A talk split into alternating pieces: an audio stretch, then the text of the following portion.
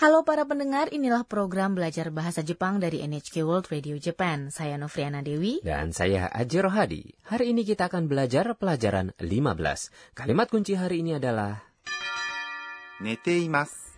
Sedang tidur. Tokoh utama dalam adegan kita adalah Anna, seorang mahasiswi asing dari Thailand. Hari ini Anna pergi ke toko buku di Shinjuku bersama kawan-kawannya yaitu Sakura dan Rodrigo. Kereta yang membawa mereka segera akan tiba di stasiun Shinjuku, tempat perhentian mereka. Mari kita dengarkan adegan untuk pelajaran 15. Kalimat kunci hari ini adalah 寝ています。 sedang tidur. まもなく新宿終点です次は新宿駅ですさあ降りましょうあれあの人たち寝ています大丈夫かな大丈夫大丈夫ほら起きた Sekarang mari saya jelaskan mengenai adegan tadi. Sakura mengatakan, 次は新宿駅です。 berikutnya adalah stasiun Shinjuku. 次 Artinya berikutnya は adalah partikel penanda topik, 新宿駅。 adalah stasiun Shinjuku, 駅 adalah stasiun, です。 adalah ungkapan sopan pada akhir kalimat. さあ降りましょう。 Ayo mari kita turun さあ Fungsinya seperti ayo. Ini diucapkan saat mengajak atau menggerakkan orang untuk melakukan sesuatu.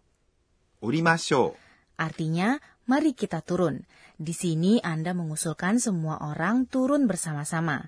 Turun adalah う。降ります。 jika Anda ganti bagian mas dari kata kerja menjadi ましょ Anda membuat usulan. Apa yang bisa saya katakan kalau saya ingin pergi ke suatu tempat bersama Novriana? Pergi adalah ikimas. Jadi bisakah saya mengatakan ikimasho? Pas sekali. Tapi Anda harus hati-hati mengenai satu hal. Anda dapat mengatakan ini hanya dalam situasi yang Anda yakin orang lain tidak akan menolak usulan Anda. Kalau tidak, ungkapan ini dapat terdengar terlalu memaksa. Jadi apa yang dapat saya katakan jika saya membuat usulan sambil menanyakan apakah yang lain setuju atau tidak? Dalam hal itu, Anda dapat mengatakan う。ませんか。 dan bukannya masyo. Anda telah mempelajari masengka dalam pelajaran 13. 行きませんか Mengapa kita tidak pergi bersama-sama saja? Ini adalah cara sopan untuk mengajukan usulan. Tiba-tiba Rodrigo menyadari sesuatu. あれあの人たち寝ています。 Eh, orang-orang itu sedang tidur Di Jepang banyak orang tidur sejenak di dalam kereta. あれ adalah seruan yang diungkapkan seseorang saat terkejut atau curiga. あの人たち。 Artinya, orang-orang itu ini terdiri dari kata demonstratif あの yang artinya itu dalam bentuk tunggal ataupun bentuk jamak dan 人たち。 yang artinya orang-orang. Ini merupakan bentuk jamak dari 人。 satu orang. Bukankah kata benda dalam bahasa Jepang sama dalam bentuk tunggal dan jamak seperti yang telah kita pelajari sebelumnya? Ya, itu betul. Namun, jika kita meletakkan tachi pada akhir kata benda atau kata ganti yang menunjukkan satu orang, Anda dapat membuatnya menjadi jamak. Misalnya, jika Anda letakkan watashi, yang artinya saya, bersama dengan tachi, dan mengatakan 私たち。 ini artinya kami. Ah, jadi watashi touch artinya kami ya. 寝ています。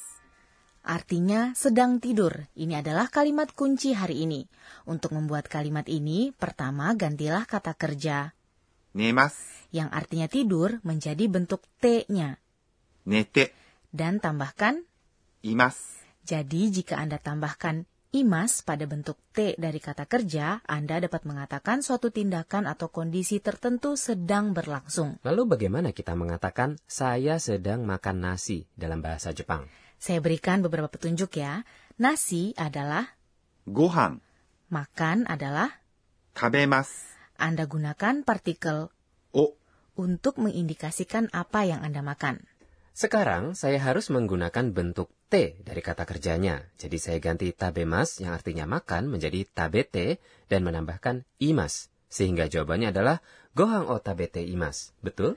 Betul sekali. Dan dalam bahasa Jepang, gohang tidak hanya berarti nasi, tapi bisa juga berarti santapan. Kemudian Anna berpikir, 大丈夫かな mereka baik-baik saja tidak ya? 大丈夫 Artinya baik-baik saja. Ini adalah kata sifat yang berarti bebas dari bahaya atau kekhawatiran. かな Adalah sebuah partikel yang Anda gunakan saat menanyakan diri sendiri mengenai sesuatu. Di sini, Anna mengungkapkan kekhawatirannya dalam bentuk pertanyaan.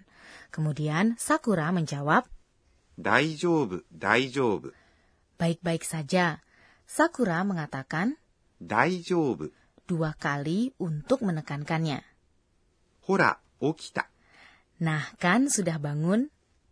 ほら、 Maksudnya, nah kan, ini adalah seruan untuk mendapatkan perhatian. 起きた。 Artinya, sudah bangun, dan bentuk tak dari kata kerja 起きます。 yang artinya bangun. Ini mengindikasikan aspek selesai, maksudnya di sini mereka baru saja bangun. Okita dengan bentuk taknya adalah cara informal untuk mengatakan 起きました。 Untung sekali mereka sudah bangun. Kalau saya malah sering terlewat. Sekarang mari kita dengarkan lagi adegan untuk pelajaran 15. Kalimat kunci hari ini adalah 寝ています。 sedang tidur. まもなく新宿終点です次は新宿駅ですさあ降りましょうあれあの人たち寝ています大丈夫かな大丈夫大丈夫ほら起きた Sekarang saatnya pojok Sensei Oshiete. Penyelia program ini, Profesor Akane Tokunaga, akan mengajarkan poin pembelajaran hari ini. Hari ini kita telah mempelajari kata sifat baru, daijobu, yang artinya baik-baik saja. Apa yang sebaiknya saya katakan saat saya tidak dalam keadaan baik-baik saja? Mohon ajari cara membuat bentuk negatif dari kata sifat itu. 私が教えましょう Guru kita mengatakan, dalam pelajaran 13 kita telah mempelajari bahwa kata sifat bahasa Jepang punya dua jenis, yaitu kata sifat i dan kata sifat na. Kata sifat i berakhir dengan suku kata i seperti 新しい、 yang artinya baru. Untuk kata sifat na, kita tambahkan na setelah kata sifat itu. Jadi, 大丈夫、 yang artinya baik-baik saja yang telah kita pelajari dalam pelajaran ini menjadi 大丈夫な、 untuk mengubah kata sifat i menjadi bentuk negatifnya, gantilah i dengan くない、 jadi bentuk negatif dari 新しい、 yang berarti baru adalah 新しくない、 tidak baru. Untuk membuat kata sifat na menjadi bentuk negatifnya, kita tambahkan ではない、 jadi bentuk negatif dari 大丈夫、 yang artinya baik-baik saja adalah 大丈夫ではない、 tidak baik-baik saja. Akan terdengar informal kalau Anda ganti ではない、 dengan じゃない、 dan mengucapkan 大丈夫じゃない。 Itulah tadi pojok Sensei Oshiete.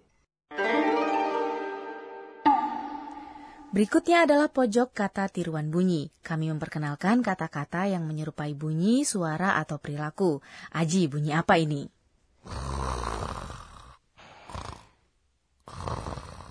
Itu suara dengkuran kan?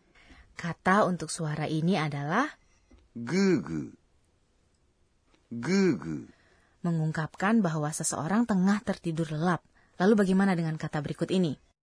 すやすや、 Saya membayangkan orang yang tengah tidur dengan tenang. Betul, kita menggunakan kata ini saat seorang bayi atau anak kecil tidur nyenyak dan nyaman. Dan demikian kata tiruan bunyi hari ini. Kita memperkenalkan ぐーぐー、 dan すやすや。 Sebelum menutup perjumpaan, Anna mengingat kembali kejadian hari ini dan membuat catatan. Inilah pojok catatan si Anna.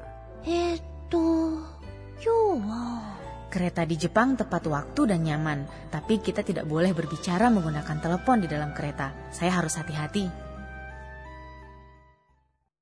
Apakah Anda menikmati pelajaran 15? Kalimat kunci hari ini adalah 寝ています。 sedang tidur. Sampai jumpa.